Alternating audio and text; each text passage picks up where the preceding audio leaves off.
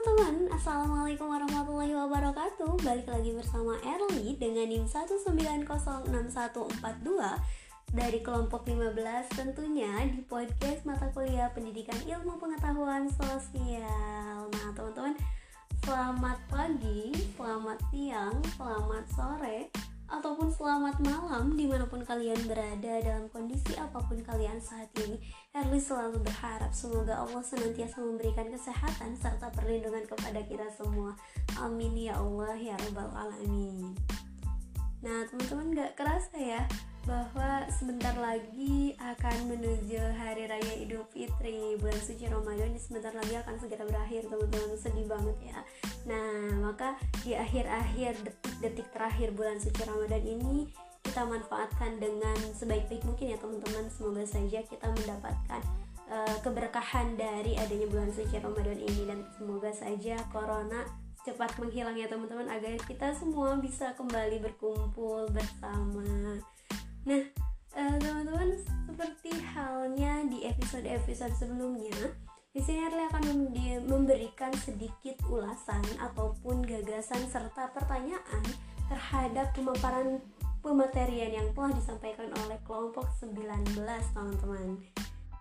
Nah, teman-teman tadi di kelompok 19 ini sempat disinggung bahwa adanya sebuah big data atau bisa dikatakan ini merupakan sebuah platform untuk menyimpan data yang sangat uh, istilahnya sangat besar gitu. Nah, jadi tertata nanti datanya teman-teman. Nah, itu pun uh, telah digunakan di Amerika dan Erli berharap sebenarnya teman-teman setuju akan pematerian kali ini.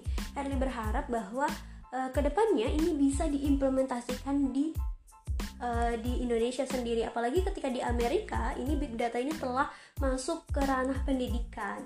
Nah Erli pun berharap bahwa di Indonesia pun bisa diimplementasikan terutama di ranah pendidikannya. Agar apa? Agar nantinya bisa membantu semua pendidik uh, untuk menata data-datanya sehingga uh, nanti dari data tersebut pendidik ini bisa mengupgrade terus sistem pendidikannya. Sehingga uh, pendidikannya tuh jadi uh, keseha, keha, maksudnya mohon maaf dari semakin hari semakin bagus gitu nah seperti itu teman-teman.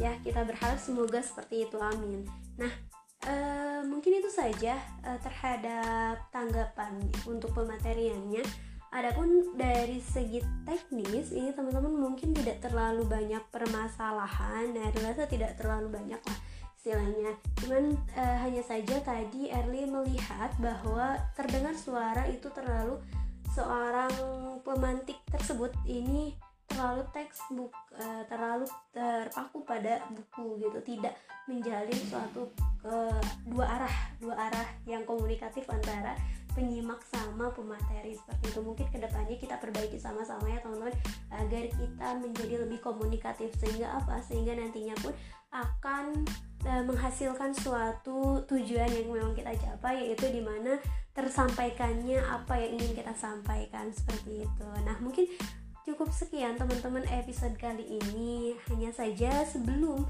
Erli menutup episode kali ini biasa ada pertanyaan untuk kelompok 19 pertanyaannya cukup simpel teman-teman. Nah bagaimana apabila big data ini diimplementasikan di Indonesia apa sebenarnya manfaat yang akan dirasakan terutama dalam bidang pendidikan? Mungkin sekian teman-teman, terima kasih atas segala perhatiannya. Stay safe kalian semua, sehat-sehat selalu ya. Sampai jumpa teman-teman di episode selanjutnya. Wabillahi taufiq walhidayah. Wassalamualaikum warahmatullahi wabarakatuh.